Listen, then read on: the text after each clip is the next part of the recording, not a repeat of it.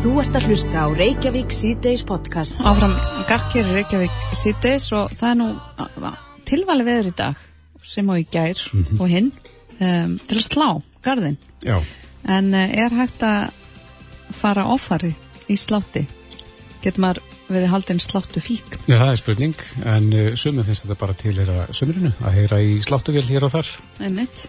En Sigur Helgi Guðansson, formaður húsændafélagsins, hann uh, kann að grýpa aðtikli fólks, við höfum verið að skrifa píslaðin á vísi.is undarfarið og nú er hann að ræðum garsláttin. Já, að vera eða ekki vera grasastni og Sigur Helgi er komin hérna til okkar. Velkomin. Takk fyrir kjana. Já, hvað var til þess að þú fórst að skrifa um gardslátt? Það vegna þess að það kom alltaf annað veið til okkar, mála á húsændafélaginu um uh, ónæði vegna sláttar. Mm -hmm. Fólk er að slá fram á nætur og helgidögum og, og kannski ekki hóf. Og það greifin það að sem er svona sérstaklega miðaldra kallmenn líti á þetta sem svona kallmennsku íþrótt. Að vera á kraftmiklum vélum sem hafa hátt og drinja hátt og svo keppast menn innbyrðis hver er með flottustu véluna og hver getur haft uh, hæst. Svo þegar þeir eru ekki að slá þá fara taka þeir í annað tæki sem heitir hátristi dæla sem er síst skári Já. En hvað má í þessu? Hvenar má slá og hvenar ekki? Það eru engar fastar reglur til um það. Í sunnum löndum hafa verið sett lög um þetta. Mm -hmm. Sviss til dæmis er bara að slá á sunnudögum. En uh, þarna eru bara almenn grendarsjónamið sem gilda. Það er sett menn allir eiga sér tilveru rétt. Menn verða að bræða saman, uh, annars verða að um, gera það sem að vennulega er gert á fastegnum og, og aðri verða að þóla það sem er venjulegt. Þannig að þetta er svona skráði í skíin og, og, þarna, þetta er tillitsemi og umbröðlindi sem verður að vegast á í þessu eins og, eins og öllu öðru og það eru allar mannlega ræðfarnir sem geta orðið ónæði mm -hmm. nákvæmum og ekki síst þessi, þessi garslottur. En fellur þetta ekki undir ónæði? Þetta... Eitthvað tíma heyrðum maður sko töluna tíu? Að það væri svona viðmið? Nei, það, það, er, það er eina sem getur gripið á sig eru lauruglusamþyktir mm -hmm. sem að segja megi ekki raska svebra á manna eftir klukkan 12 mm -hmm. en menn megi ekki láta öllum ítlum látum þess á milli Nei. en verða sína til þessum menn verða, eru ekki einir í heiminum þú verður að sína umbröðlendi líka og það skortir oft á En, en þegar kvartan er komin á bort til þín er það fólk búið að reyna að tala góðallega við nágrannum sína? Já, og öskra líka sko Já, ok En í hvað farveg er þetta að fara? Hvað er þetta að gera? Það, bara... það, það er bara hægt að, að, að þetta er ekki lauruglum og ekki nema að þú raskir seppriði friði eftir klukkan 12 mm. annars vegar er bara græntar úræði og þau eru sko bæði erfitt að, að negla niður hvaða regla gildir, þetta getur verið mismundi eftir hverfum, mismundi eftir bæ, bæjum mm -hmm. hvað, hvað telst eðlert og, og, og venjulegt en það er yfirleitt ekki hægt að grípa til þetta græntar úræða þá er komið haust og vetur og þá er það snjórin. Já, en þú talar hérna um sláttu fík, það er nú nýtt orð sem er í greinið þinni. Já. Eh, er það svo að þetta er svona sömu aðlæfni sem er að fara kannski full oft yfir sumarið að slá? Já, og, og gera þetta á, á, á kristilugum tíma. Mm -hmm. og, og þetta er alveg greint og með miklum háaðulátum að vísu nefndi ég ekki uh, þessa nýjung sem að, sem að eins og Kristófer á, það er svona ramaslóttifir sem að fer um bara ljúflega og hefur ekki hátt. Já, svona róbótar. Eh, svona róbótar mm -hmm. og, og þarna, þannig að, já. Ekki þess leið alltaf sólarhingin, má, má segja. Já, já, vonandi kemur það til og, en annars er ég hindast í því að menn fara að slá með orfi og ljá, eins og ég fendi á, og, og það er góð líkamsækt og, og ég líka sem sagt fundið út og það er tilgátt að mína að e, það, það sé til eitthvað sem heitir sláttu gen í mennum. Já. Í gamla daga þá, þá þáttu sláttu menn eftirsóttur og konur dáðust að þeim mm. og þetta er bara fast í genanum og kallmenn bara fara út og, og get ekki við sig ráðið Já. það er bara genin sem stjórna þessu sko og, og núna náttúrulega eh, gildir annað um svona háaða slátt, nú virkar hann ekki en genin er að plata menn út Til þess þá að ná einhverju hvern hilli eða hilla nágrannana með tækjunum sín? Nei, ég veit ekki hvað menn aðrast nú ekki kvennhilli með því að vera á eldstúandi tækjum og, og með þessum rosa háfaða og, og e, eins svona sláttivél á eina kvöldsund mengar á við hundra bíla eða eitthvað svona þess. Þetta er alveg ótrúlega mengandi apparat og, og semst að menn einhvers, menn verða einhvern veginn að búa í einhverju sátt og þvola ímislegt og, og þarna menn sagt, verða að umlýða svona venjulegt fjölskyldu brambólt og, og eigna brambólt mm -hmm. og það er allir tilbúin til þess nema þeir vilja ekki hafa slottumannin vil hýðin á sér Nei En þú segir hér í greininni að skráða reglur og úrræði skorti. Hvernig, hvernig eh, ætti þetta að vera?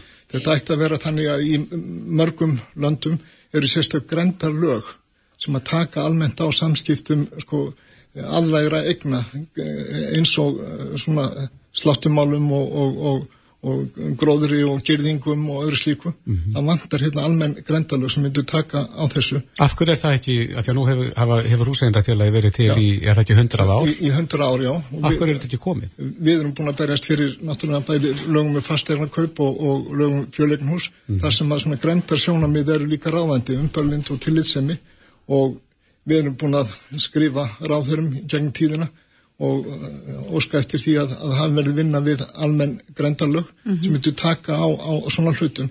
Það er ekki gott að, að svona, um grundvallar aðri eins og hænýtingu fastegna að, að það skulle ekki vera uh, skráðar og aðgengilega reglur heldur. Er þetta dómafordæmi, e, þetta eru skoðanir fræðimanna mm -hmm. og þetta er ekki aðgengilegt og er skráð svona einhverlega í, í skíin og annars konar atriði sem hefur valdið mjög heitum til eru, eru aspirnar. Mm -hmm. þegar, þegar menn hrúa öspum inn í litla húsagarða. Í einu máli í, upp í uh, eh, Mósersbæ fyrir nokkrum árum og það voru 57 aspir í vennum húsagarði og þetta var eins og frumskóur og að þessu spyttu uh, eh, sko, leiðindi og, og, og úlfúð. Mm -hmm. og uh, í mörgum löndum mitt í svona grendar svona er bannað að nota aspiri innan borga og innan bæja og alls ekki, eh, þarna, alls ekki eh, í litlum húsakvarðum. Ég, þetta er eins og að setja górillu í hamsturspú. En hvernig hefur verið tekið í það þegar þið óskið eftir því að veri, þessu verið komið í góðan farveg? Já, það er fyrst reynd að tala og, og, og, og þarna ná einhverju sátt en málið er að fólki þykjur á svona undum, undur væntum aspirna sínar þetta er það eina sem hefur vaksið kannski í þeirra gardi og þjótu upp og verið tíknarlega og falleg mm -hmm. en þau vaksa náttúrulega í allar áttir og, og neðanjarðar og, og valda á óskunda þar og það hefur hafa nokkuð dónsmál verið um það að, að eigandi hefur dendu til þess að, að fjalla í aspir eða, eða, eða, eða grísja. Eru ráþeirar almennt ekki spenntir að því að þú segir að þið hafi barist fyrir því að setja alveg svona grendareglur í dágóðan tíma. Er, er ekki áhigi fyrir hendi hjá stjórnsýslinni? Þetta þykja ekki mjög sexi í mál sko. Nei. Og en, en nú, nú ætlum við að setja kraft í þetta. Úsendafélagið er 100 ára á, á þessu ári og, og hefur starfað óslitið í öll þessi ár og, og, og eh, náð miklum réttabótum fram. Nú er komið þessum grendarmálum og líka eh, ástandskíslum fastegna sem við höfum barast fyrir lengi líka. Og það hvað gengur það? Það er að, að, að það sé eh, líki fyrir skýsla um ástand hús til að fyrirbyggja eftirmál og, og gallamál síðar. Við sölu? Við sölu, já. Hver, hver myndi borga það? Já, það, það, bara, það er nefnd að störfum sem á eftir ákveða það. Mm -hmm. Og e, þetta þarf ekki að það þarf ekki að krifja húsið í, í, í tætlur heldur svona, þú veist, að vera vakandi, að hafa einhvern fama sem að skoða þessi helstu mm. atriði, þannig að kom ekki svona, svona óvænt. Já, Já uh, við vonum að þetta fari nú í einhvern farveg. Og... Ég, ég, ég vona það því að það er svo sannlega þörf á því og, og sérstaklega varðandi tríja á loðamörkum og, og, og svo þarna sláttur og það mhm. vissin. Mm. Við mælum með greinni, garsláttur, að vera eða ekki vera grasasni. Hún er nittin en með svona alvarlegu mynditón. Já, þetta er, þetta er ég, ég reyna að nota eitthvað nitti til þess að hrækja í aðtykli. Emitt. Og tala um má, mála stundum hlutina skærum litum til, til þess. Það tekst. Já. Já, Sigur Helgi Guðjónsson, formar húsendafélagsins. Takk hjálpa fyrir spjalli. Já, takk sem leiðis. Þú ert að hlusta á Reykjavík C-Days podcast. Snóm okkur aðeins að eh, borgarmálum. Já. Borgar á samþýtti morgun að eh, stórauka uh, útjöld til dagfóreldra kervisins. Já. Reynar endur veit ég það að ykkur er ráði? Nei, það er svona degjandi stjætt virðist vera mm -hmm. og þannig að það búið að mikið maus, ef svo má segja, í Reykjavík borg að finna dagvistunar úrræði fyrir börn. Já, Einar Þorstinsson, formaða borgarás og oddviti framsónarflokksins sem mættur til okkar velkomin. Takk fyrir. Já, þetta er þitt mál, þú, þú talaði fyrir þessu í morgun. Já, uh, við lögum fram uh, tilugur núna uh, til þess að reyna að endur þess að dagfóraldra kerfið. Mm -hmm. Þetta er brúin sem við áttum til þess að brúa bilið á milli leikskóla og fæðingarólós og við höfum séð það að þróunin allstæðar eh, í öllum sveitafélögum hér á höfuborgsæðinu í það minnsta hefur verið svo að dagfóröldrar eh, þeirra hafa hægt og þannig hefur það... Af hverju? Er búin að greina það? Já, menn, eh, sko, stjórnmálaflokkar hafa verið að reyna yngja börnin sem fara inn á leikskólana og, og þá er minni markaði fyrir dagfóröldra Eh, þetta er hérna uh, þannig að þetta er svona uh, ef þú hefur sérð ekki fyrir þér í fyrirsjónlegri framtíð að þú getur starfa við eitthvað meirinn út árið eða tvö þá kannski fer fólk að leita sér að einhverju öðru. Við höfum talað fyrir því að vera með fjölbreyttar leiðir fyrir börn og barnafjölskyldur til þess að velja.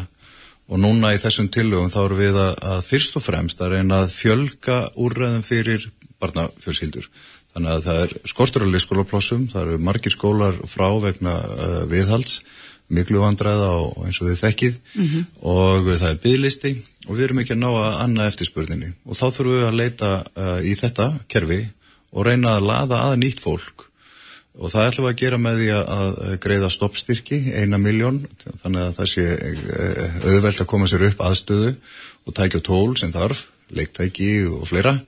Uh, og það er þá miljón í stoppstyrk og svo eh, hérna svona aðstöðustyrki árlega kostum uh, námskeiðahald endurmentun, hérna fyrstu hjálpar námskeið og fleira sem er íþingjandi kostnaðir fyrir, fyrir dagfóreldra en svo erum við að fara bara í átak við að auglýsa eftir dagfóreldurum en það sem er kannski líkiladriði við erum líka að fara núna í sérstakka vinnu við það að auglýsa eftir húsnæði.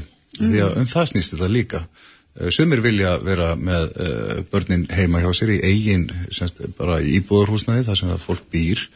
En aðri kannski kjósa það ekki og vilja þá fá að leia eitthvað staðar. Og það eru, uh, ég hef alveg heyrt af áhuga engaðila að leia út í jarðhæðir þar sem er kannski bara mjög fullægand og góð aðstafa og, og svo nýtir, uh, nýta þá dagfóraldrar gæsluvellina sem eru, eða rólóvellina sem eru út um alla borg.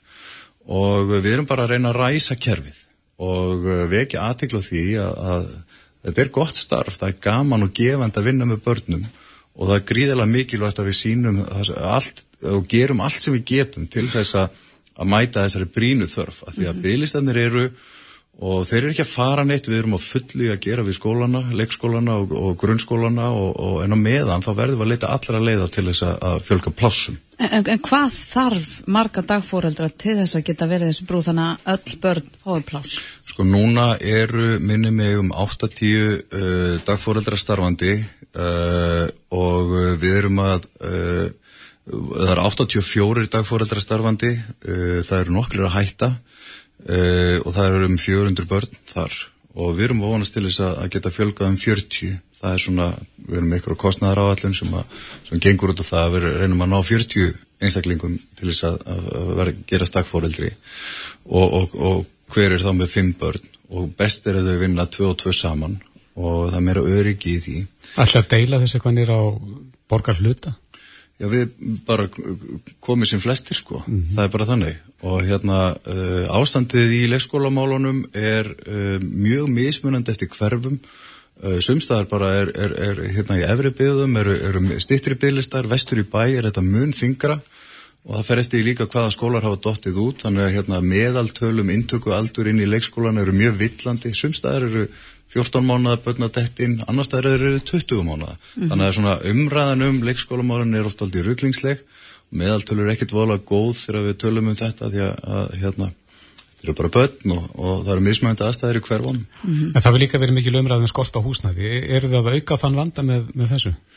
Uh, auka á vandan uh, nei, við erum að reyna að leysa vandan samt, ekki samtjefnu um húsnæði já, nei, þannig erum við að tala um uh, atvinnuhúsnæði yfirleitt Eh, sem að dagfóraldunum gæst á kostur á að leia. Við mm. ætlum að vera svona ákveðin milligöngu aðili, milli enga aðila sem að eiga kannski jarðhæðir eða, eða aðstöðu sem að setja tóm og, uh, og greiða fyrir því að dagfóreldrar komist í, í, með börnin þangaðinn en líka leita inn á við í húsnæði sem að borgin á af því að það eru víða fermetrar sem að kannski nýtast ekki sem leikskólapláss mm -hmm. þar að það eru aðrar kröfur um, um leikskóla byggingar en það eru öðru vísi með, með aðstöðu fyrir dagfóreldrað í, í reglugjörðunum þannig að þetta er svona, þetta er sáfluti En síðan erum við með hérna líka uh, núna, við erum að reyna að leta undir með uh, foreldrum sem að eiga börn sem eru orðin átján mánuða.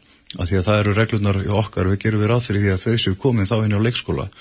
Og við erum að auka niðugreislunar uh, til þessara barna, eða foreldra þeirra, þannig að þau borgi það sama og ef þau væri á leikskóla það er miklu dýrar að vera hjá dagfóreldri mm -hmm. þannig að nú borga fóreldra þá bara þennan 31.500 eitthvað svo leiðis eh, um leið og börnin vera átjámánuða þannig að það sé svona ákveði jafnbræði milli fóreldra þegar börnin eru komin á þann aldur að þau eiga að vera komin inn á leikskóla en, og þetta er mjög mikið hagsmunumál og fjárhasleitt mál fyrir fóreldra mm -hmm. og, En hvaða kröfur eru gerað til dagfóreldra fyrir þá sem er hlusta og finnst þetta kannski heillandi? Já, uh, sko Uh, ég er kannski ekki alveg besti maður til þess að útskýra það nákvæmlega en það er alveg skýrar hérna, mikla kröfur til dagfóreldra og það eru reglugerður um þeirra starfsemi bæði þarf aðbúnaður að vera þarna uh, uh, til fyrirmyndar og eftir það er ákveðin fermetrafjöldi og ákveðin aðstæða sem það þarf að vera og náttúrulega brunavarnir og, og, og það allt saman og þetta er allt saman tekið út og, og er bara þekkt og hérna e, svo þarf að vera með reynd sakavotturð og ymmislegt þannig. En við erum líka núna að, að hérna, fara á stað með aðgerðir til þess að ráða fólk inn í leikskólana. Eh, sumir getur kannski frekar kosið að vera að gera stakfóraldrar e, og það eru, þá erum við að nota aflýsingastofuna sem að Reykjavíkuborg rekur að þegar í dag er að þannig að leikskóla stjórnarnir, stjórnendur, þeir e, ráða inn og, og, og finna aflýsingar. Nú ætla við miðlægt að, að fara í áttak til þess að Uh, uh, leita til fólks sem er að leita sér að vinnu uh, bjóða þeim upp á það að fara inn á leikskólana og leysa af miðlægt, sagt, með miðlægum hættið og deilum við fólki út á leikskólana þar sem vantar. Bæðin hérna, til fastaráninga en líka í afleysingar og þarna erum við aldrei að hugsa um hópa, stóra hópa sem hafa komið yngi á undanferðnum misserum. Fólk frá Venezuela til dæmis og Úkrænu það er mikil mannöður í þessum hópi. Uh, þetta er fólk sem hefur sótt sem mentun í uppbyldisfræðum uh, erlendis, tala bara ekki tungumálið. Uh, og við viljum hjálpa þeim þannig að við ætlum að kosta íslensku námskeið fyrir þessu hópa. Að það eru fjölmjör börn á þessum aldri sem að, að það er kannski það er mikilvægt að einhver nái til þeirra. Þannig að við ætlum að, að reyna að kenna að þjálfa þessu, þetta fólk upp í íslensku. Setja þau í svona starfstengta þjálfun inn á leikskóla og, og, og reyna að, að hefða til þess að koma inn í kerfið og, og hérna, vinna á þessum dásanlegu vinnustöðum út um alla borg mm -hmm. og þannig mikil mannuður og mikil sóknafæri við, en, en líki latrið er samt og við hefum ekki gleyma því að þannig eru börn að megnunni til eh, sem að er að læra íslensku þannig að við leggjum miklu áherslu á það að þau fái ísl, eh, sem sagt uh, kennslu á íslensku mm -hmm. en þessu, við verðum að ná þessum hópi inn samt. En, en ef að fólki hugnast ekki þetta tækifæri? eins og bara, bara náttúrulega þegar fólk er á atvinnuleysi skrá sko og fær bóðum vinna og má ekki segja neinum að tvisar Já, ég get bara sagt þetta að atvinnu þáttaka í þessum hópi er gríðarlega há mm -hmm. þetta er bara fólk sem hefur verið að flýja heimkynni sín og er að, að hérna, hefja líf hér á Íslandi og við sjáum það bara tölunum frá vinnumálastofnun að það atvinnu þáttaka er mjög mikil og ég er bara full og trúið því að fólk vilji taka þátt í samfélaginu með að vinna og sjá fyrir sér og, og vera sjálfstætt og, og bara lifa hafmyggsum í lífi mm -hmm. þannig er við flest Hvenar byrjar þetta átak? Já, nú erum við bara að henda út þessum auðlýsingum og hérna ég kom nú með þessar auðlýsingar, það eru gríðalega fínar byrtast bara í, í blöðunum og samfélagsmiðlum núna uh, vonandi næstu daga mm -hmm. og uh, við viljum ná árangri með þetta í sumar og hérna og uh, mér finnst bara líkiladriðið að við séum ekki að fest okkur í einhverju einni lausn þegar kemur á, á börnum og barnafjölskyldum. Við eigum að vera með fjölbreytta leiðir. Þetta er eitthvað uh, sem er hægt að gera. Við gerum vonast til þess að ná 40 uh, kannski koma fleiri, kannski koma miklu færri. Mm -hmm. það er miklu atun að fá núna.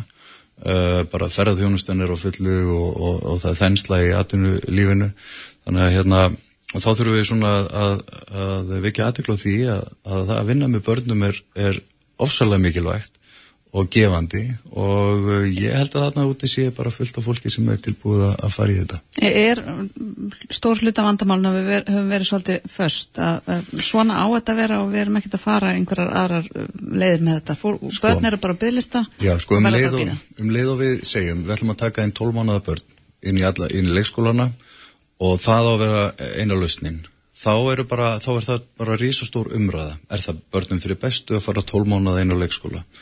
Uh, og, og svo umræða er uh, ég ætla ekki að fara alveg út í hana núna en við sjáum það að það er kannski ekki alveg raunhæft markmið akkurat núna þegar við erum í reysa viðhaldsátaki og uh, og það vantar leikskóla ploss og borgin er að stækka um 4-5.000 manns á ári það er bara nokkri leikskólar og svo er flotta fólk og fleiri sem að hérna, þurfa þessa þjónustu þannig að hérna Við verðum bara að setja alla önglana út. Við verðum að byggja upp dagfóreldrakerfið.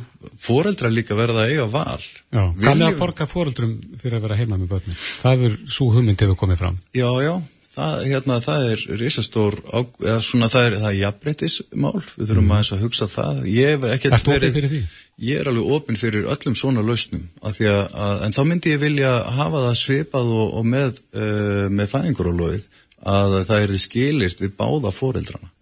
Þannig að hérna, þetta væri ekki bara að konur, uh, mæður að, að fá einhver lá, lágar greiðslu frá hennu ofinbera og vera heima. Þar eru við séð dæmi erlendis frá það sem að þau hérna, uh, konur uh, einhvern veginn festast í svona, frekar, svona lágum tekjum og börnin fá ekki örfun með jafnöldurum sínum og hérna það er svona það er, það er, það er að útfæra slikar tilugur mjög vel hvað kostar, kostar leikskólaplás fyrir eitt barn á mánuði? Uh, hvað er, hver er kostnaði? það fer eftir hvað þú ert með barni lengi uh, núna er það 8 tímar, það er 31.500 Nei, ég er að tala um bara kostnaði við það já, fyrir borgina borgin, já, það er ég bara manna það ekki alveg, ég held að það sé yfir 300 skall Já, þannig að það getur verið spartnaður að, að borga fóröldrum beint fyrir að vera heima. Já, já, en það eru líka, hérna, sko, aðalatir eru bara að vera með fjölbreyttarlausnir.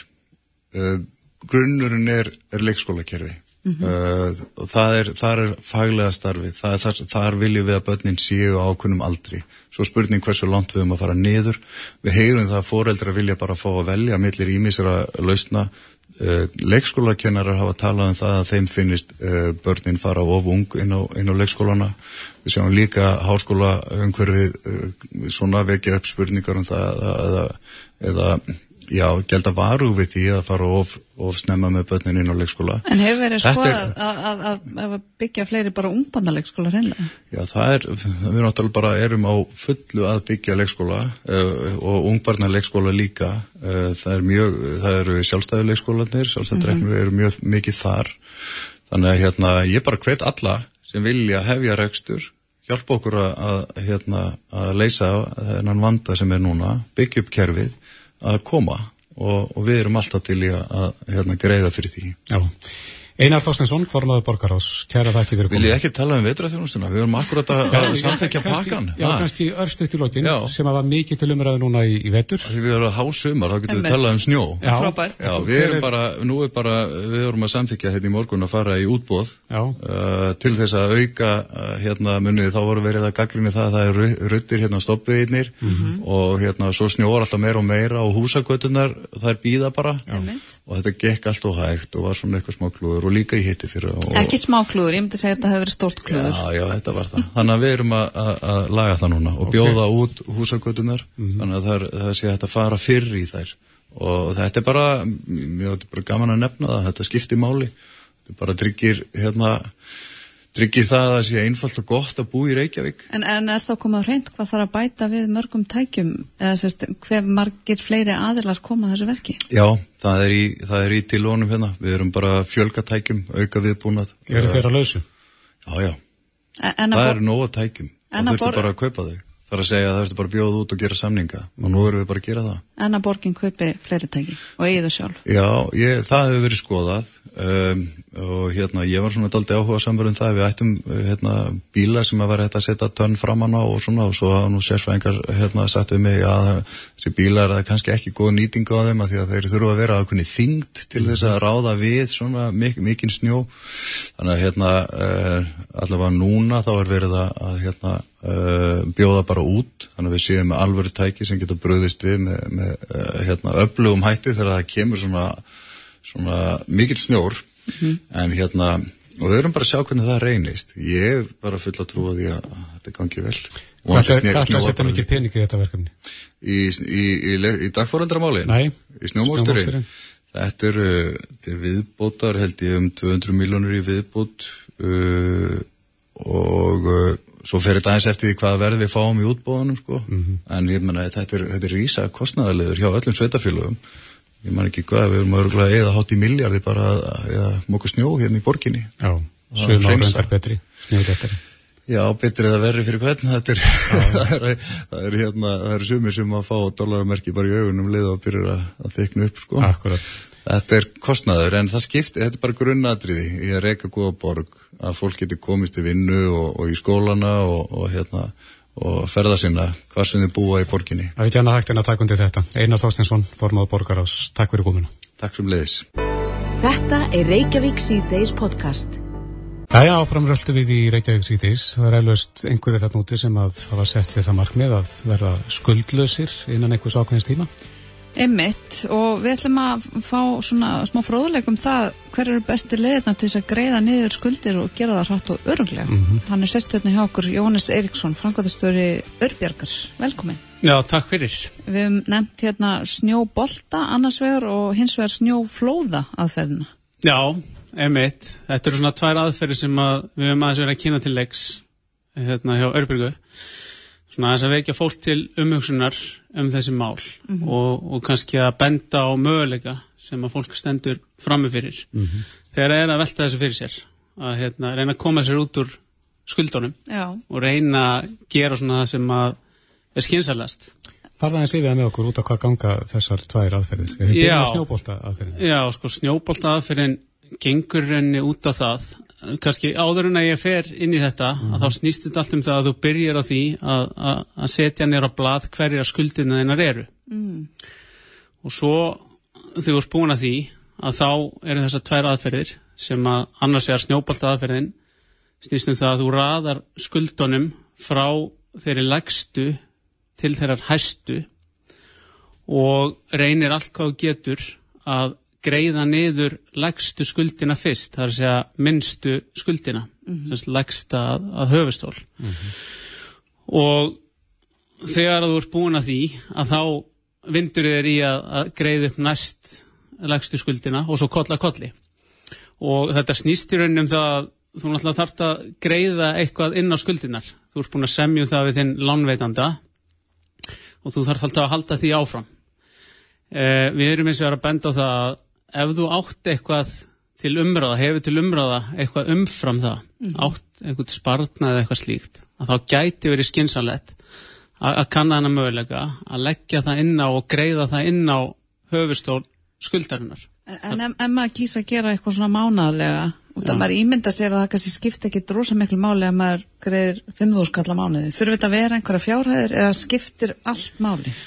Ég, svona í mjög einföldu máli myndi ég segja allt skiptir máli og því meira því, því betra og því meira áhrif hefur það. En sko ef ég fæ aðeins að útskýra nánavarandi munin á snjóboltaðaferðinni og snjóflóðaðaferðinni mm -hmm. að þá sem eins og ég segi er þetta snýstutum í snjóboltanum að að raða þessu frá legsta til hæsta.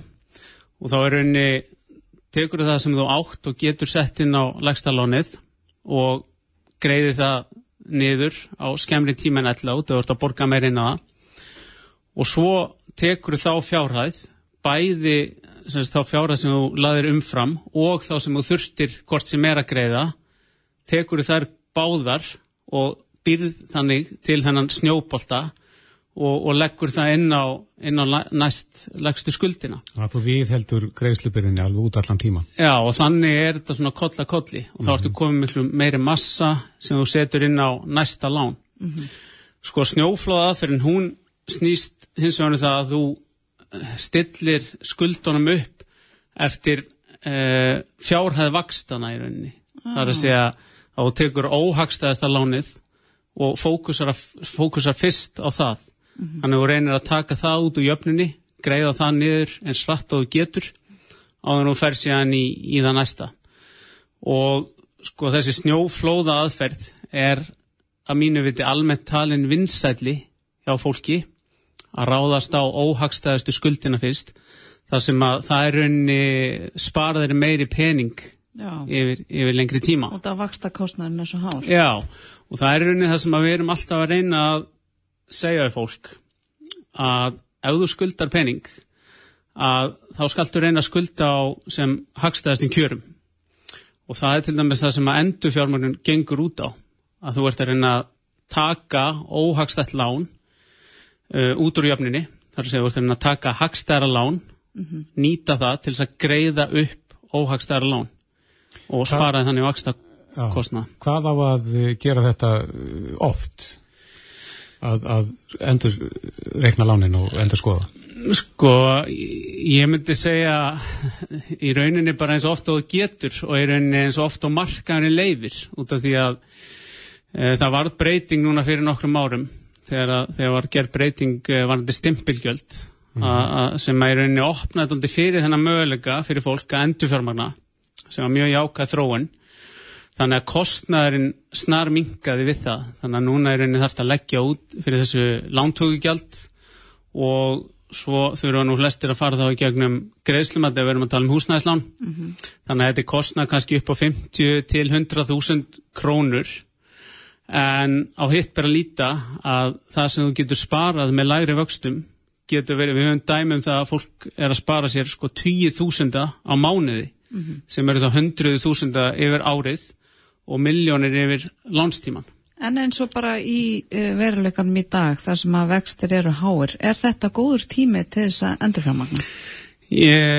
Sko það er alltaf tækifæri og hérna það eru margir sem að hafa þetta tekið lán upp á síkasti en, en auðvitað þegar vextir eh, fara hækkandi að þá gefur auðvitað að endurframagna möguleikar eru takmarkari en það er eins og að margir sem áttast ekki á því að þeir eiga kannski lánsrétt hjá miklu fleiri en einu með tveimur lánvendum, kannski 5-7 mismandi lánvendum. Það eru margi sem eiga, eiga lánsétti á lífverðisjóðan til dæmis sem að bjóða núna lægstu vextina og þar geta jáfnvel verið tækifæri. Það er að segja að ef að fólk er hjá sínum viðskiptabanka og, og í rauninni þetta hugtak viðskiptabanki ennu að vera doldið úrelt. Það er í rauninni ekkit að mínu viti sem að heitir þinn viðskiptabanki í dag. Þetta er allt orðið svo frjálst og opið að, að fólk getur hreift sig á, á mjög einfaldan átt. Þannig að það eru klálega tækifæri. Anna punktur sem ég vildi nefna er að nú á dögunum var gefið út nýtt fastegnamatt fyrir eh, sem á að taka til ásins 2024. Mm -hmm. Það eru eins og að margin lánvendur uh, byrjaðar að taka það til skoðunar við útreikning á endurfjármunin á lánum. Þannig að þetta þýrir henni það að fastegnamatti hækkaði töluvert svona þvert á landið mm -hmm. hækkaði um einhver uh, að meðaltali um einhver 13% inn á höfuborgarsæðina í mandarétt sem að þýði það að fólk sem að tók lána sín tíma og þurfti að, út af því að fasteinamatti var læra og þá fekk það uh, semst flesti með að við að þeir, þeir lána alltaf 70% af fasteinamatti og veitaði síðan viðbóta lán umfram það alltaf 80-85% um að fer eftir í hvernig aðstæðanar eru mm -hmm en þá er staðan svo að viðbótalánið er töluvert óhagstæðara heldur en grunnlánið. Það er að segja að viðbótalánið ber herri vexti. Þegar fastinamandi hækkar þá getur skapast svigrum fyrir þetta fólk til þess að taka grunnlán til þess að greiða upp þessi viðbótalán. Og það er nú skapast svigrum með herra fastinamandi. Mm. Ég veit þetta hljómar kannski pínu flókið en þetta er ekkert mjög flókið mm. og þetta þarfnast bara hérna, smávælar skoðanar en aftur getur skipt fólk alveg gríðarlega miklu máli. Já, getur verið spartnaður í þessu? Ekki spurning og kannski ég má bæta í við hérna líka út af því við vorum að tala um umfrangreslur inn á lánið að þá, það sem að við í Örbyrgu höfum verið að brína svo mikið fyrir fólki er að skoða stöðuna sína mm -hmm. það er að segja, svo áttir það á því get ég gert þetta, get ég til dæmis fara að beita snjóbolta eða snjóflóða aðferðinu með því að greiða aukalegin á landi. Mm. Er fólk kannski feimið við að kíkja á þessi yfirlitt? Já, það er alveg tilfellið. Fólk á, þetta er viðkant mál og þetta er flókið og, og við skiljum það. Og það sem við erum að gera er að við erum að taka hitan og þungan af fólki. Við erum að reyna að opna á þessa umræðu, opna á þessi mál og veita hana vettvang þannig að fólk geti fengið þessa heldasín, geti átt að segja á því hvað er ég að fá í útborgu laun? Uh, hvað er ég að greiða í svona först eða regluleg gjöld á mánuði? Og svo er ég með einhvern mismun á því og það er rauninni það sem að ég hef til aflögu annars vegar fyrir bara neyslu og hins vegar til þess að spara eða fjárfesta. Og þar komum við mitt inn á þetta að þú getur nýtt þessa fjármenni meðal annars til að greiða inn á skuldir og, og, og, og svona flýta þínu ferli að fjárhastlegu frelsi.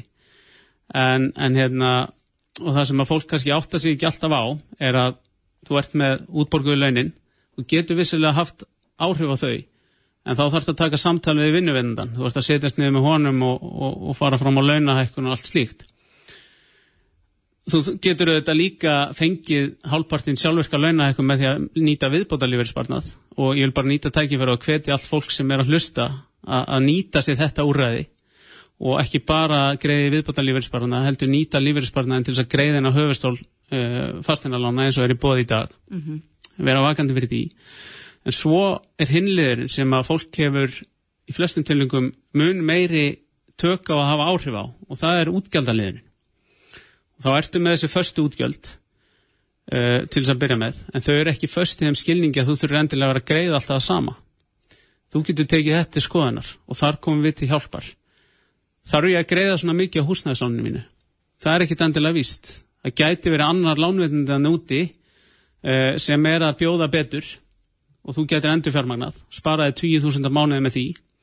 Uh, þú getur tekið hringin á tryggingafélagunum uh, og sparaði umtalsverða fjárhæðir, 20.000 jafnvel á mánuði og 100.000 yfir árið, eins og ég, ég hérna, náða að lækka yðgjöldi mínum 180 krónur yfir árið. Já. Bara með því að taka hringin í gegnum örbyrgu á tryggingafélagunum, tók mig inn að 500 og ég átti síðan í samskiptu við tryggingafélagin, bara gekk mjög vel og ég náði að lækka þetta svona. Uh, svo ertu með ramagnið, uh, það er mjög einfalt að skipta um ráorkusala, uh, ef þú veist hjá hvað ráorkusala þú ert, þá getur þú bara að séð hvað hann er að bjóða þér og hvað aðrir er að bjóða. Þetta er í rauninni í mjög einfaldri mynd sama ramagnið, þetta er sama varan. Þannig að svona erum við með mörg dæmu, það sem við erum að brína fyrir fólki ekki eigða í óþarfa í þeim skilningi, ekki vera að greiða óþarlega mikið fyrir vörur og þjónustu sem þú getur fengið uh, á hagstæðari kjörum. Þá náttúrulega þarf fólk að vera upplýst, þarf að vera meðveitað um valmögulegana og þar komum við hjá Örbjörgum mjög sterkinn út að við erum í rauninni þessi hlutli, þessi óháði aðli á markanum, á milli fólksins í landinu og þjónustuvenda og við erum að reyna að hjálpa fólki að sjá hvað er í bóði og hjálpa því að, að taka þessa upplýstu ákvörðun þannig að, þannig að því vegni betur og, og í rauninni bara auka lífsgæði mm. og, og náttúrulega hugar og fólks líka með því að hafa fjármálun á hreinu. Einmitt, rétt aðeins í lokin, uh, ég veit að það er margir sem hafa spert eirun þegar þú uh, lístir þessari snjóbolta aðferð aðan. Þekkir marga sem hafa komið sér út úr skuldum með þessar aðferð? Uh, Personlega þekkir nú kannski marga en ég hef heyrt dæmið þess já, mm. að, að fólk hefur og við hefum í rauninni bara gengið á lína hjá okkar starfsmönum og þar eru fólk hreinlega að fara í gegnum þetta og, og, og átt að sá því hvað þetta skiptir miklu máli að skoða þetta, stilla þessu upp setja sér áallun uh, og í rauninni bara þetta er svona ákveðin ægi en þetta er líka bara spurningum að finna þá aðferð sem að hendar þér hvað þér líður best með, hvað þú getur gert og í rauninni hvað færði til þess að halda áfram Margir að, já, margir að leita að auka krónum þess að dagana, það er mhm, rétt. Mm -hmm. En Jónas Eiríksson, framkvæmtastjóri Örbjörgar, kæra þakki fyrir komina. Takk fyrir mig. Þetta er Reykjavík C-Days podcast. Já, Jæja. áfram gakk. Já, Þetta við náttúrulega gengin í sex. Við fengum þarna fína kjensli hvernig hægt er að uh, sags á skuldirna hlætt og öruglega. Einmitt, við bara hvetjum sem flesta allavega að kíkja yfir sín mál mm. þó mhm. það sé erfitt. Ég bara skil það mæta vel og fá einhvers konar yfirlitt og þá að, einhverja aðgjörðar áallin. Já, akkurat. En það var eins og hann sagði við okkur hann Jóhannes Eriksson sem var að fara frá okkur að, að hann náði að finna þarna 10.000 á mánuð til þess að spara. Já, það er nú ekki leðilegt. Sko. Alls ekki leðilegt. En uh, við erum komið með hann Ragnar Þór Ingolson, formann VAF R á línuna. Góðan og blessaðan dæn, Ragnar.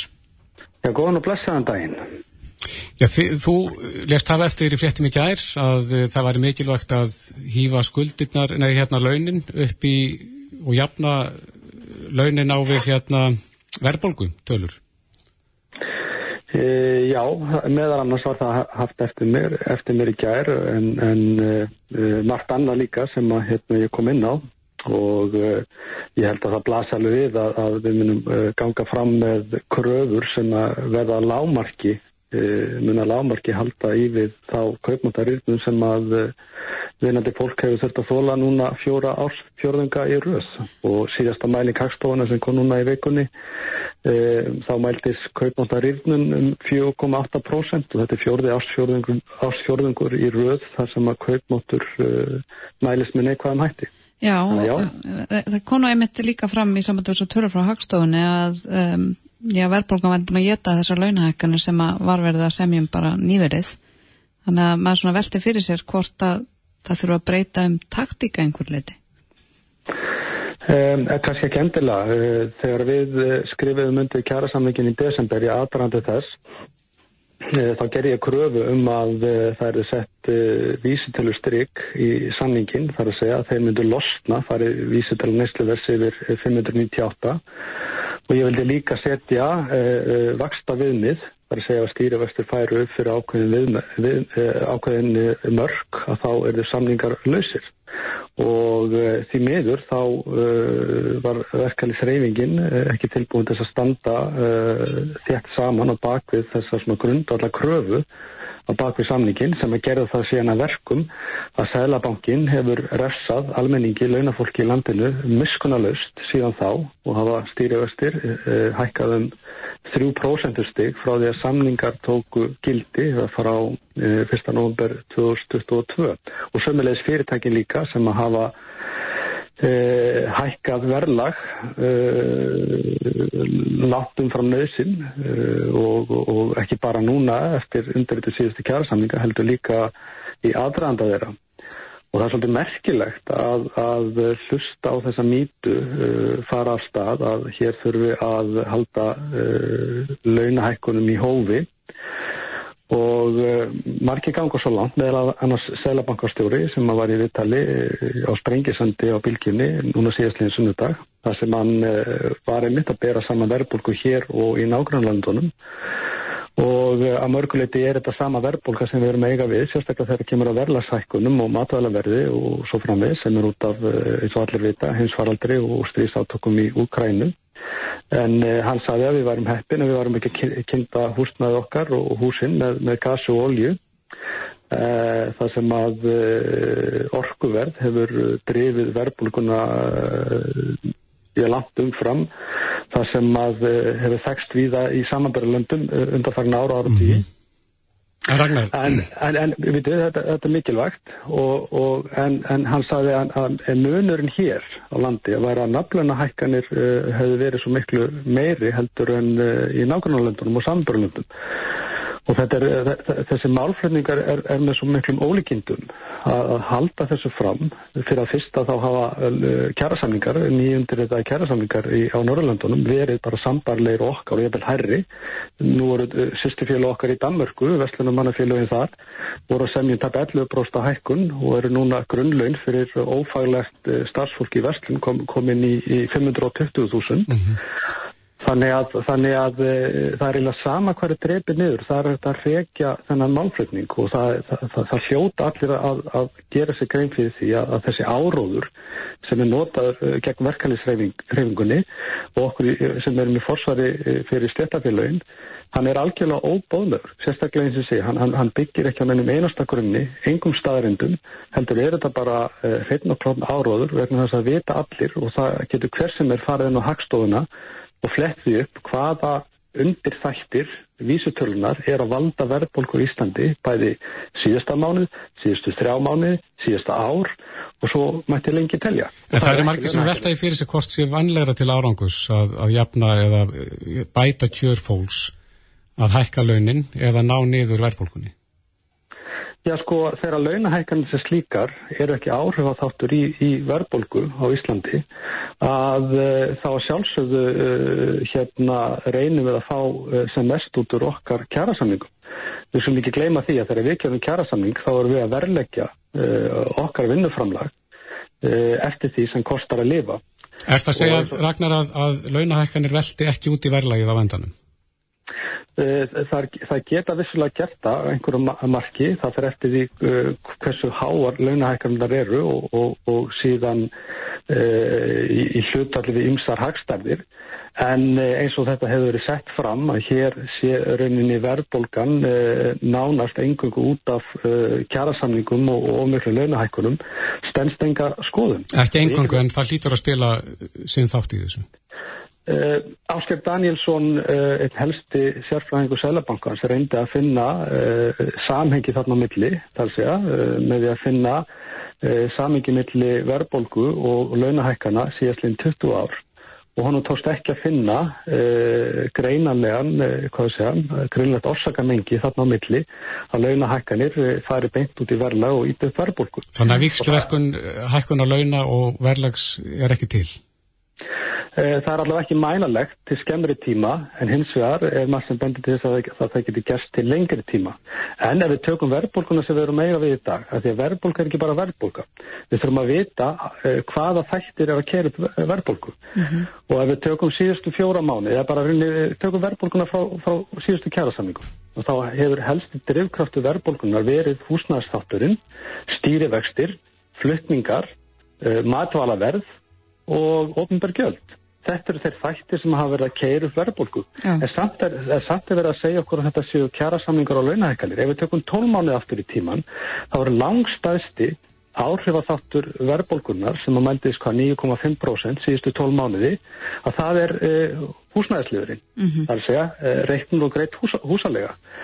Og uh, þetta er langstæðsti áhrifaþátturinn. En samt uh, uh, kýs Sælabankastjóri í viðtala sprengisandi síðastlegin sunnundag algjörlega, algjörlega skauta fram hjá þessari staðvind mhm. algjörlega mm -hmm. og ef, ef við tökum af hverju er verðbólgan, er hún launadrifin eða er hún hagnaðadrifin tökum bara hagnað fyrirtækjana, nýjustu tölur hagstofunar frá 2021 þá var hagnaðar fyrirtækjana fyrir skatt 761 miljardur eða tíu sunum meira en kostaði ganga frá síðustu kjærasamningum tíu sunum meira sjáum bankakerfið. Árið 2021 og 2020 skiluðu bankarnir þrýrs yfir 150 miljardum í hagnað mm -hmm. sem er tvöfalt meira heldur en það sem að kjæra samlingur og almennu vinnumarkaða kostuðu síðast sem við, við undurritum í desember. En, en Ragnar, ég skil ekki ef þetta er allt svona bara svart á kvítu og alla, öll gögg til og all, allar tölur á hreinu, akkur eru við þá ekki bara öll samála? Ragnar, þetta er ekkert annað en áróður. Þetta er mhm. áróður til þess að, að reyna að uh, segja, segja sumu líina og sumu ránkværslunar nægilega oft þannig að fólk á endanum trúiðin. Og þetta er það sem að uh, ég myndi segja sé bara unni vandamáli í okkar samfélagi að þeirra skauta frá svona stæðnendum. Tökum bara stýrifasta hækkanindar frá undirritum kjærasamlinga. Frá, frá gildistöku kjærasamlinga, eins og ég sagðan, það hafa stýrifastir hækkan 3% stík. Skuldi fyrirtækjana á Íslandi er um 5.400 miljardar. Þannig að kostnaður fyrirtækja, uh, vaksta kostnaður fyrirtækja vegna skuldaðura hefur hækkað um uh, 164 miljardar uh, frá undirritum kjærasamninga.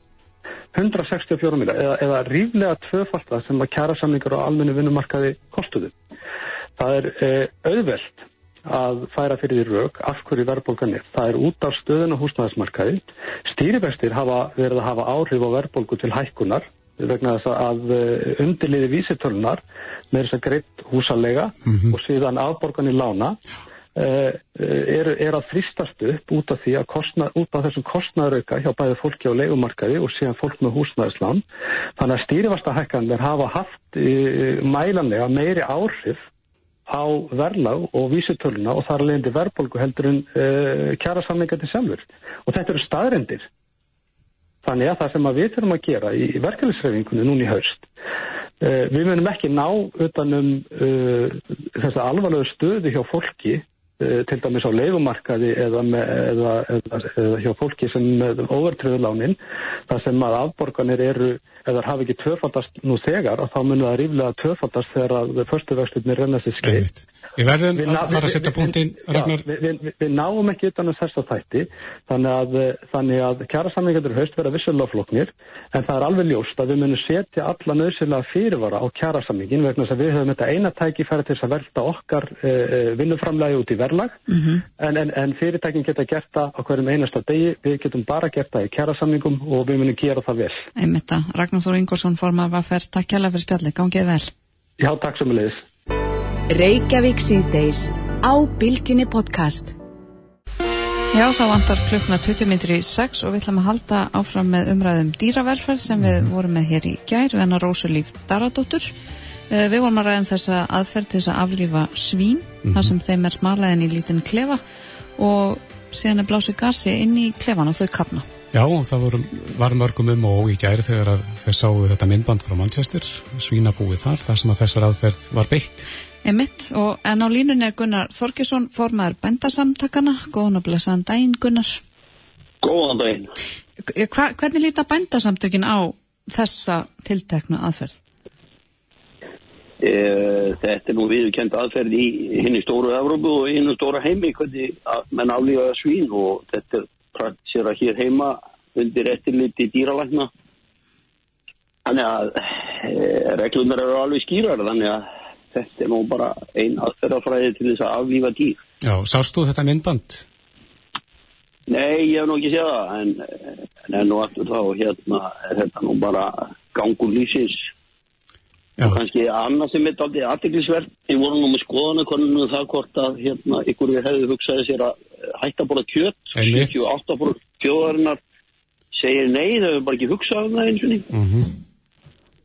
og uh, þá veldi maður fyrir sér hvernig við uh, fyllum þarfið þeirra sem að vilja neyta kjöttvara og landbúna að vara á Íslandi mm, Já, mennur þú sko að, að þessar aðferðið til þess að drepa dýr séu í flestum tilveikum kannski ekkit sérstaklega kræsilegar og svo maður segja Já, þetta, það er náttúrulega verið að aflífa dýr sko, þannig að og, og, og um, það, um það gilda bara ákveðin lög og reglur sko, í þessu landi þannig að menn fara í einu og öllu eftir því sem að setja fram þannig að Já.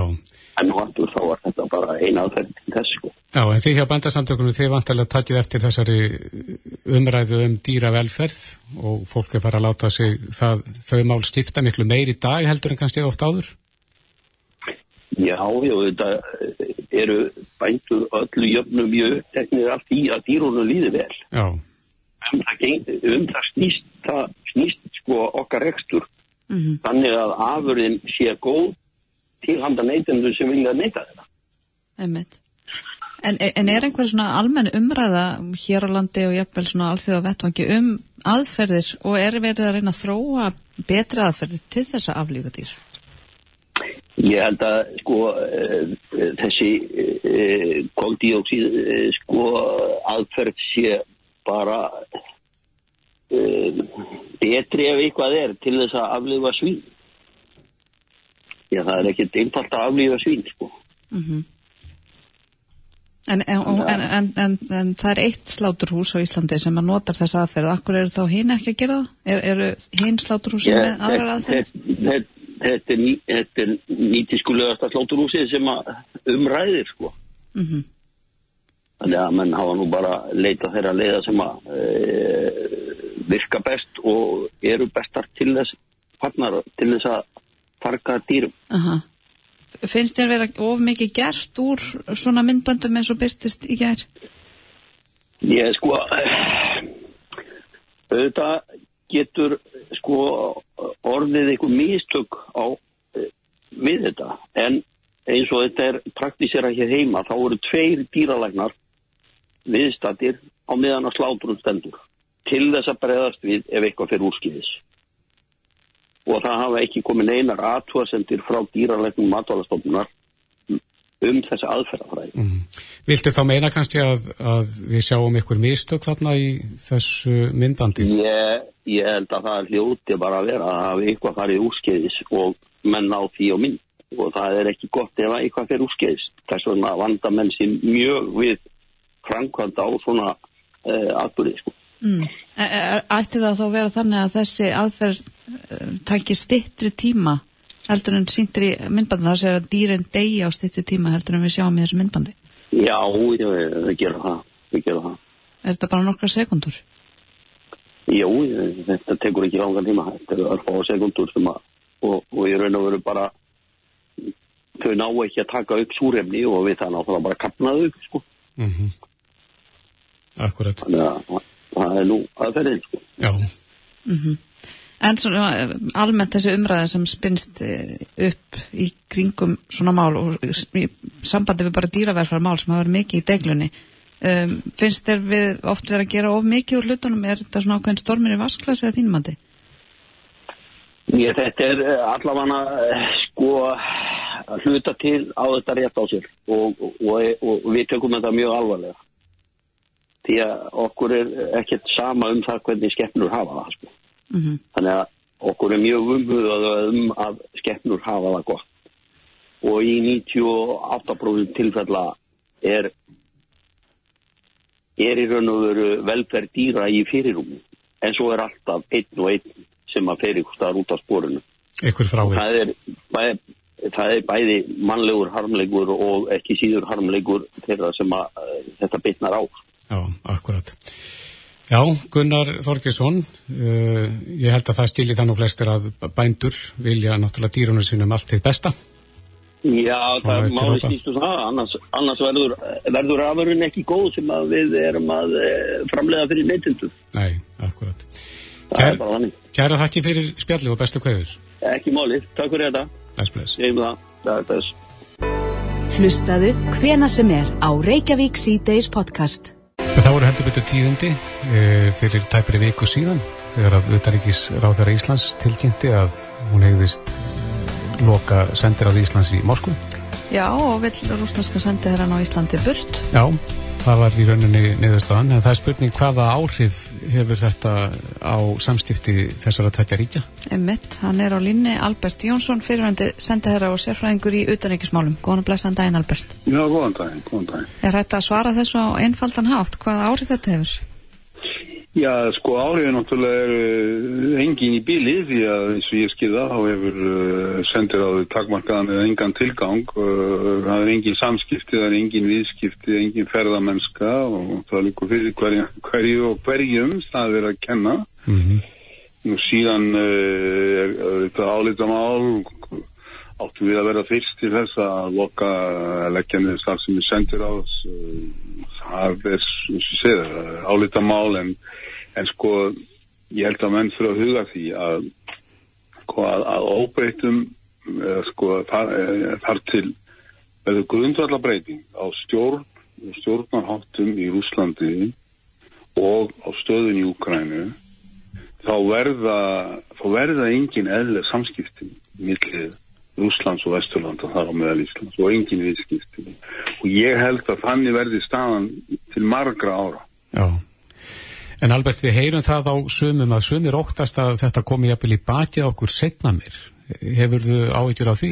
Já, ég hef ekki séð sko hvernig það ætti, hvað er það átt við að við séð það? Ég, að, að þetta komi til með að... Ég, ég, sko, ég er alveg þá hreinu að þar til að verða grundsata breyting í Úslandi, þá verða engin samskipt og engin viðskipt og engin mm -hmm. og þessi grundsata breyting er ekkert að liðin. Nú ef að síðan uh, núverandi valdhafar uh, hverfa úr stóli í Kreml og aðrir og allt öðruvísi valdhafar taka við sem ætla ekki halda áfram styrjöldum við nákvæmlega og, og flega þá hefum við ekki mikla trú að þessi nýju og allt öðruvísi valdhafar skiljiði uh, verði að, að velta sér upp úr þessu mál. Mm -hmm. að Íslandingar hafa orðið eitthvað undan einhverjum öðrum að loka. Svo verðum við líka ekki gleyma því sem hefur verið bent á að við erum ekki svona stöðu og, og stóru ríkin við höfum stæri sendir á það hafa fækka mjög mikið, við getum ekki fækka mjög mikið við erum bara með tvo eins og bent hefur verið á. Mm -hmm. Anna líka stæri ríki eru með þetta miklu flega fólk inn í Rúslandi en við ekki í stórum hópum eftir en, en miklu fleiri en þessu örfáðu sem við höfum og stóru ríkin er líka með meiri og flóknari fjölmyndari hagsmunni en þess að ég þekki það í einsleikum aðtöðu. Ég bara sé að þetta er alls ekki sambarileg staða í okkur og stærri ríkjum. Nei, en hefur þetta einhver áhrif á Íslandinga í Rúslandi? Ég náttúrulega get ekki fullist um það. Ég uh, á nú ekki sá þessi von á því. Ég get ekki sé hvern, hvað, hvernig það ætti að gerast en, en ég get auðvitað ekki fullist um það. Nei, en hvað með öryggi landsins þegar það kemur að sæstreng og, og slíku? Er, setur þetta okkur í aukna hættu þar? Nei, ég get ekki sér að það gerist, ég get ekki ímynda með það að rúsna stjórnum sem hafa nú aldrei stórum hnöfum að nefna sko, erum ekki góðum málum mm -hmm. að þau sé núna, já, Íslandingar lokuðu að hættur hefðunum starfsefnum sendir á þessu í Moskvun og ætlum að klippa á sæstrengt í Íslands. Nei. Þetta er aldrei svona vísunda skálsagalegt sko. Já, eru of margar samsæðskenningar á lofti? Sko, það er, það er ekkert sem Íslandingar geta gert og ekkert sem getur gert á Íslandi sem hefur áhrif á möguleika rúsneska hersins í Úkræn mm. og það lítur nú að vera stærst áhrifgefnið hjá rúsnesku stjórnmöndum núna það verið möguleika rúsneska hersins í og núna býðum við að það er stóra tíðund að vonandi að vænta fyrir Úkræna nú býðum við eftir að gagsókn Úkræna hers hefjis mm -hmm. Er hún ekki hafinn? Ekki gagsókn, ekki eiginlega gagsókn það sem hefur er byrjað er sem að þeir þreyfa skærur, þeir hafa náð ákveðnum takkmarskuðum árangri en gagsókn hefst ekki fyrir þeir einbeita verulegu liðir og búnað okkur tiltekinn stað eða staði og reyna að brjótast í gegnum varni rúsa. Þá er gagsóknin hafið. Mm -hmm. Og ef að þið geta síðan nýtt sér það, ef þið geta bótið í gegn og nýtt sér það í framhaldinu, þá hafa þið náðu verið á árangri og núna er þetta beðið eftir því að sjá hvers þeir eru megnum í þessum skilnum. En sko, er eitthvað hægt að, að spá nánar í spilin eða þurfum við að lifa í þessar óvissu eins og við höfum já, gert? Já, það er alveg hægt að spá, ég meina það má færa rauk fyrir því að einhver tíma, kannski með haustinu, hún segja, hún segja næstu tveimur árum, þá verði komið á vopnandi. Mm -hmm. Eftir það munu Vesturland og þá er ég bara vopnarlega og, og rúsneski herin er ennþá í Njúkræn þeir ráða ennþá 15-20% um á landin mm -hmm. þó þeir séu í veikri stöðu og um, og, uh, og og hvað gerist í framhaldur? Jú, Vesturland munu þetta láta Úkrænum en hafa fullt af vopnum enn meira en áður og fjálfa úkrænska herin alveg í bótt, láta hafa óðstöðlóttur og allt þetta. Bótt til hvers, jú til þess að reyna að koma í vekk fyrir að rúsa geri aðra aðlög eftir kannski 2, 3, 4, 5 ár skilur við, það búið að smíða nýja skriðtvekka og, mm -hmm. og reyna að lappa upp á rúslandska herin eftir þessa, þessa ófari og einnig að búa Úkræna, undirbúa Úkræna fyrir að gera frekar í sóknaraðgerði gegn rúslandska herin Úkræna reyna að ná meira af úkrænsku landi frá rúsum þannig að þú veist alla forsendur fyrir því að samskipti verða áfram mjög slæm, mjög vond og engin viðskipti og engin eðlega samskipti, það er staður og verða áfram Já. það er það sem ég er að segja og uh, þannig að þetta er eina framhaldi sem maður sér nema gjörbreyting verði á stjórnum stjórnmannfari í Rúsland mm -hmm. Var, var þetta rétt skref teluðu að, að slíta þessi tengsl loka sendir á Íslands í, í Mósku? Eins og ég segi, minna, auðvitað er það álíka mál hvernig á að standa hlutu. Ég hef þetta ekki upplýsingar um nákvæmlega hvernig, hvernig þetta bara en, en eins og segi, sendir að það er engin starf sem við sendir að það er engin víski, það er ekki neitt í gangi, mm. sendir að kosta nú ég þekki það, það kosta nú einfla penning það er ekkert þannig að, og við erum alls ekki sambarlegu stöð eins og ég sagði, eins og stæri ríkinni sem hafa fjölmennari sendir á og geta fækka mikið og, og senda alls í skil á því tægi og rekið mannskap heimann sko rúsa, rekið rúsa frá sínum landum mm -hmm og við höfum náttúrulega ekki þessa möguleika. Þetta er ekki sambærilegt staða en, en auðvitað er að tala þess að ég segi þetta er að deila um ákvæðanir þess ákvæðan eins, og er á mig það reyna en, en bara enn og aftur það er enga líkur á því á næstu mörgum árum að það verði heilir samskipti í Íslands og Íslands En ef, ef ég skilði rétt svona fyrir þá sem að hafa kannski ágjörði þetta komið í bakið okkur eins og Kristoffer sagði á þann að þá Já. skiptir Ísland ekkert sérstöku máli í þessu stóra samingi sérstöku í augum rúsa Nei, ég sagði þér, það er ekkert sem Íslandingar geta gert eða ekkert sem geta gerst á Íslandi sem hefur áhrif að takmarka möguleika rúsneska hersins í Úkvæðinu það var það sem ég sagði. Mm -hmm. svona almennt og heildin liti er þetta Ísland það smá ríki sem, að, sem það er og, og fáminn þjóð. En við erum auðvitað í samstarfið, nánu samstarfið í okkar bandamenn, en komum sér það í bandaríkinn og bandaríkinn hafa hér eh, flugvilar, tímabundi reyndar á kemlagu flugvelli og það er skipta máli, það er reyndar aðalega verið að fljúa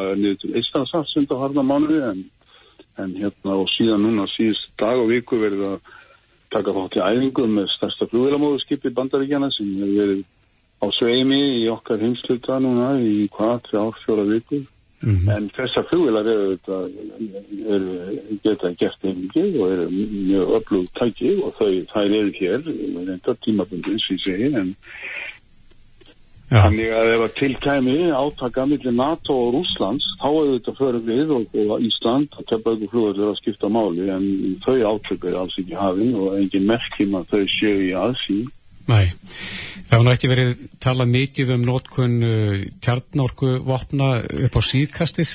Nei, nei. Er, er svo hætta uh, enn fyrir hendi að, að rúsar í einhverju örvætningu grípi til þeirra? Já, sko, með, meðan þessi átöku er í gangi, þá er svo hætta fyrir hendi að það er stegmagnist í átöku millir NATO og Rúslands. Og þá er auðvitað, uh, hafa menn áðvíkjað að, að, að þau þau átök getur þróast yfir í átök með kjartökuðvopnum. En jáframt er þetta alveg ljóst að rúsneski herin er svo vila leikin eftir þessar ófarir í Ukræni að möguleika rúsa til að stingmagna átökin hvart þá í átök við NATO og bandaríkinn þeir eru hljóta að vera mjög takmarkaðis. Mm -hmm. Þetta er sem á það er litið. En auðvitað er ekki þetta útilokka heimskuðar ákvarðanir og en ákvörðunum að nota kjarnanbúa væri það einskulegast að sem hægt væri að gera halvur úr sá hafa hennu gert uh, tekið marga heimskulegar það eins og, og blasir við uh mhm. -huh. en auðvitað alltaf, ég ekki verið maður sem útlokkaði það í vittali á bylginni að svona hlæðilegi hluti geti gert en Nei. ég tel það ekki lífslega Nei, einmitt, nú erum við nú bara að spá í spilin en uh, Albert Jónsson fyrirvændi sendið herra og sérfræðingur í utanækismálum Takk hérlega fyrir spjalli Já Sömmulegis. Bless, bless. Reykjavík síðdeis á Bilginni podcast. Nú er sömar. Já, við erum búin að vera alveg ótrúlega heppin með veðri hér í þessum landsluta Já. og aðri lands, landslutar hafa sem ykkur hefur verið ennþá hefnari. Einmitt. Það er magnað hvernig það léttir yfir öllu þegar að svo gulla lættu sjá sig. Já, allt verður bara auðveldara. En við ætlum að þess að kíkja á tjaldveðrið eh, á blika.is. Einar Sveinbjörnsson, viðfræðingur er á línu, kom til sæl komið sæloflössuð. Já, ertu bjart sitt fyrir helgina? Já, þokkalega. Eila bara mjög bjart sitt. Fyrir að slandi þá? Sem ég ennú yfirvild ekki þegar að veri á í slut. Nei. að vera svona mjög, mjög bjart sitt, en það er e, greinilega áframhald á þessum, uh, þessari miklu blíðu sem er verið á Östurlandi mm -hmm. e, yfir, yfir, yfir helgina, má, má, má segja, og hérna... E, Sama má segja um aðra landsluta, það er bara ágættis veður þó að, að það verði ekki alveg jafn gott og Östanlands uh, til að mynda uh, á Suðvestur og Vesturlandi þá er að leit út fyrir það að það myndi rigna eitthvað og ég fæl bara nokkuð núna uh, sem sagt á bæjulögat og sunnundagin en ég held að hann hangi þurr, það verður skíjað á þeim slóðum. Já, það skiptur nú miklu máli. Já, já, og, og, og hæglátt viður, sko. En er, sko, hvers konar hitatölur eru að fara að sjá fyrir austan?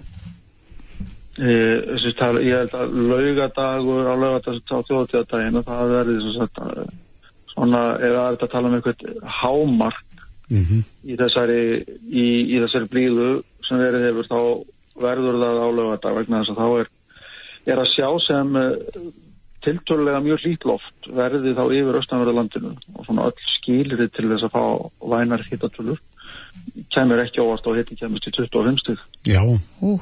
og, og, og uh, það er því þá það eru þá besta þessi hæsti hitti á 17. júni í ansi langa tíma ef að svo spá gengur eftir það er, þá er, er verið að, að þetta er svona frekar inn til landsins og inn á hálendinu á, á norðaustur og, og austurlandi mm. það er kaldur sjór fyrir utan og það er alltaf hægt við að alltaf hægt við að geta orðið svalara uh, svalara uh, við sjáasíðun en, en þó er er spásk og söðvestan á sem getur haldið þókunni og kaldaloftur alveg frá líka strandfjörðunum. Mm -hmm.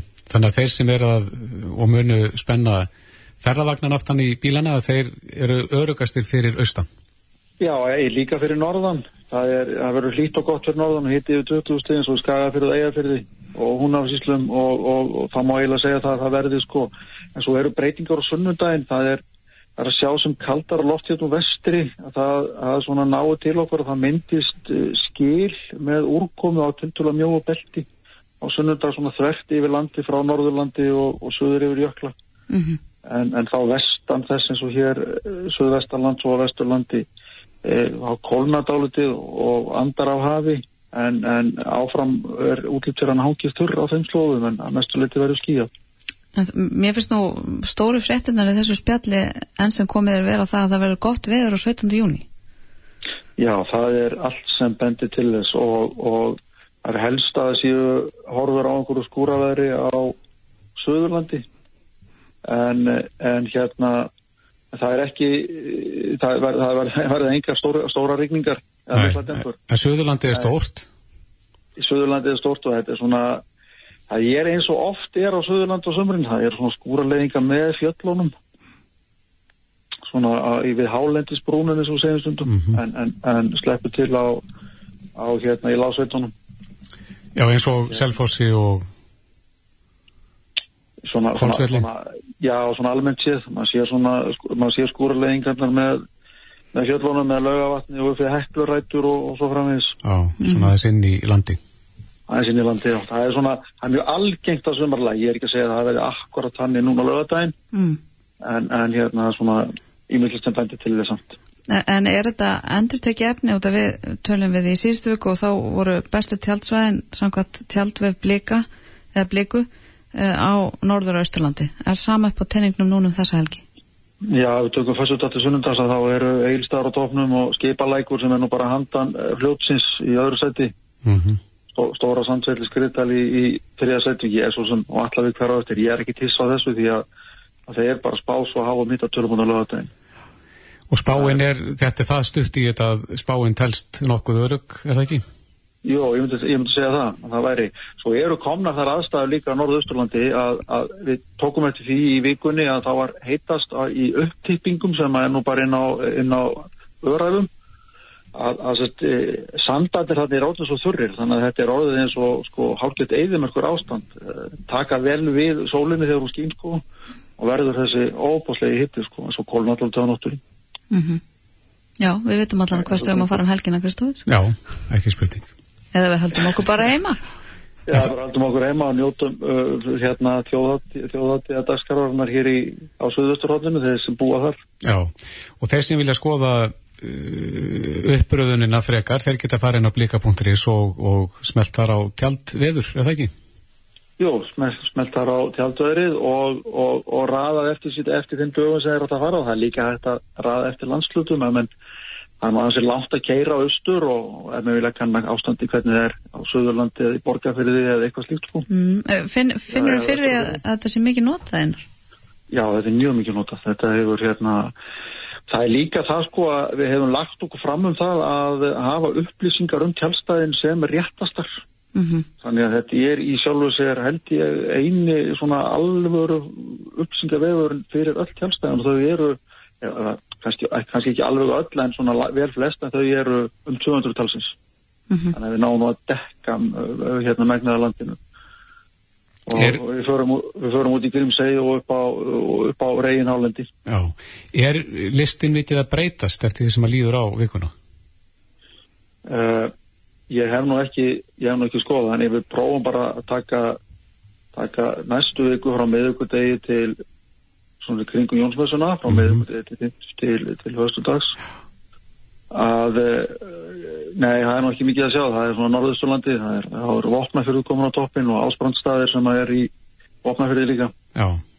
þannig að, að hérna að meðan, að hæðin háfristisvæði sjálf sem að er að stjórna þessu meðan það heldur velli hérna fyrir austan og sunnanlandið þá er vindur að jafnaði eh, sunnan og söðvestanstæður og þá svona dregur freka frá sólu á norður austurlandi eins og hefur gert og vestan í þessu háfristisvæði þá er daldið af lágum skíum og þókuloft og, og, og, og vestur og söðvesturlandi hefur daldið fundið fyrir því. Austan til í hæðinni er að það er loft óstöðust og það hefur verið mikið um þrumuveður og eldingar bæða á Breitlandshegjum og núna síðustu tótagana í, í Danmark og Skandinavíu, Suðu Skandinavíu. Já. Mm -hmm. Eldingarnar, þa það eru rétt í þekktar hér e, yfir Íslandi Nei, það, það er, er ekkert útlokað að það geti, geti slegin yfir eldingum og sumrin. En, hver er munurinn á, á þessu? Af hverju sjáum við og upplifum sjálfnar eldingar hér heldur en við erlendis? Já, er nú fyrst og fremst bara það að við erum svo norðarlega að sólina hún er ekki að hún er ekki að hýta uh, yfirborðuðu nógu, nógu miklu mætti og nógu lengi til þess að skapa það uppstreymi sem þarf til þess að koma rakanum upp í hvað þú að segja 7-8 km hætt mm -hmm.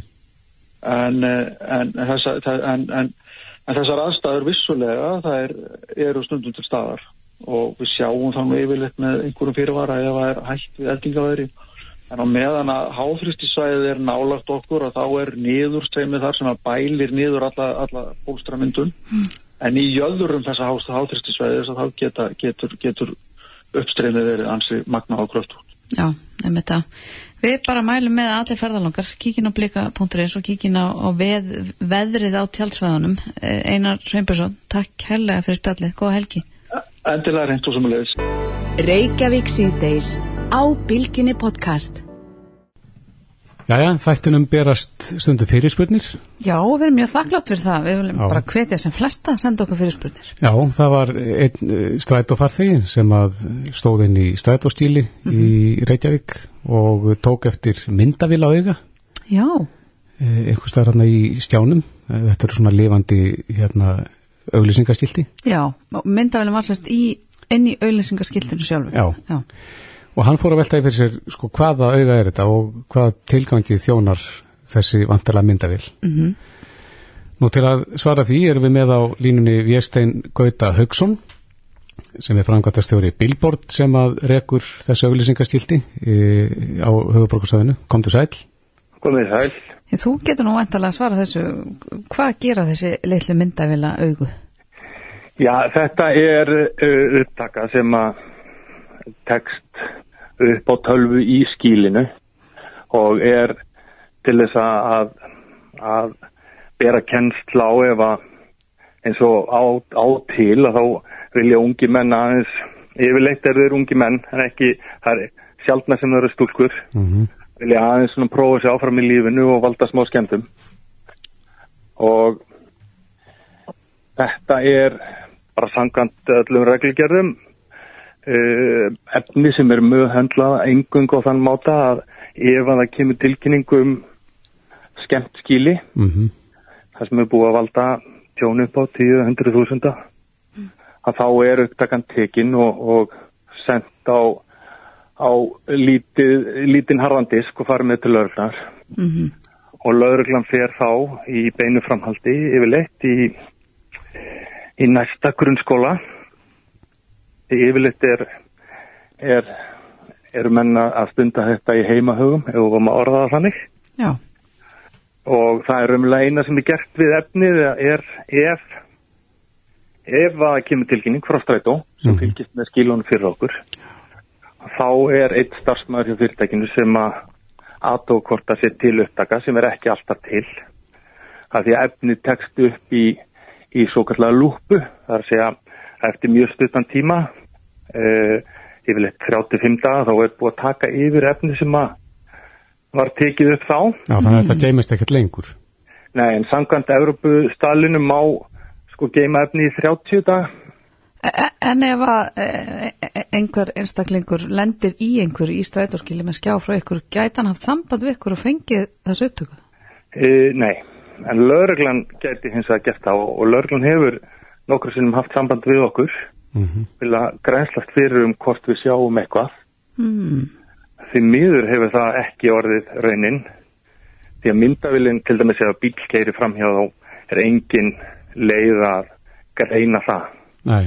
og það er mjög erfitt að greina andlit en það sem að vill svo hefnilega til er að, er að unga fólki sem er að gera svona hluti mm -hmm.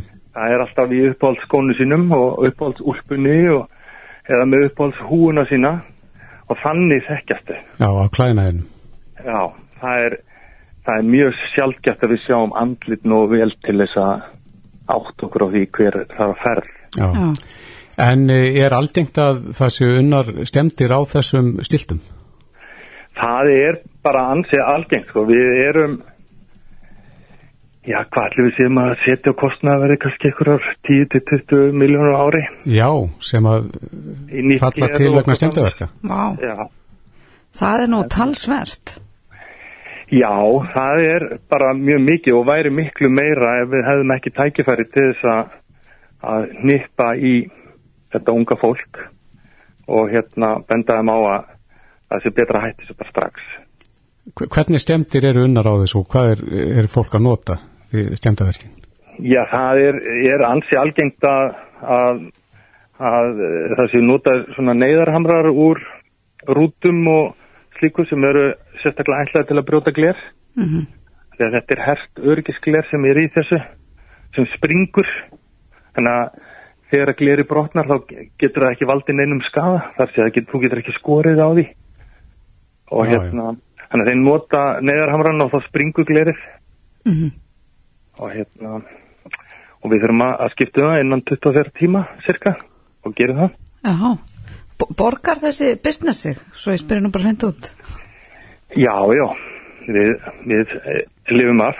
Já. og þetta er náttúrulega bara partur af því að vera með svona gödugögn eins og þetta er kallað.